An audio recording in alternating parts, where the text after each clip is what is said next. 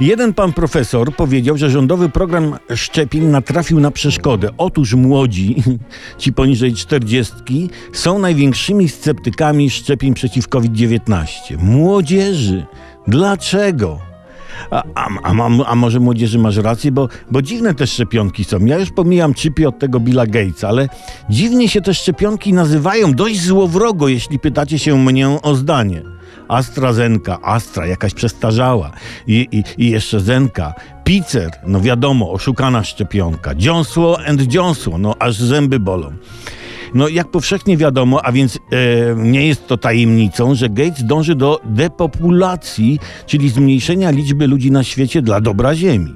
Na razie poległo od wirusa 3 miliony ludzi i na tajnej naradzie Gatesa ze współpracownikami mówią, no kropla w morzu potrzeb, kropla w morzu potrzeb, albo nawet pół kropli. Dlatego pojawiają się mutacje wirusa. Brytyjska, indyjska, a ostatnio pojawił się wirus tanz, ta, tanzański pieszczotliwie zwany niekiedy afrykańskim, który w porównaniu z wirusem bazowym ma 34 mutacje i skubaniec jest podobno tak mega odporny, że te dotychczasowe szczepionki można sobie wbić delikatnie mówiąc w pupę. Tak?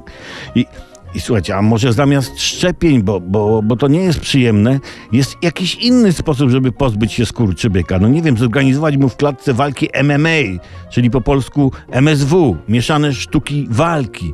Niech poszczególne mutacje napieprzają się między sobą. Niech się same wykańczają. A może jeszcze ze dwie, trzy mutacje i wyrósł w tym ferworze zabijania, sam się zeżre. I nie trzeba się będzie kłuć. Chociaż jak to mówią, kłuj żelazo póki gorące.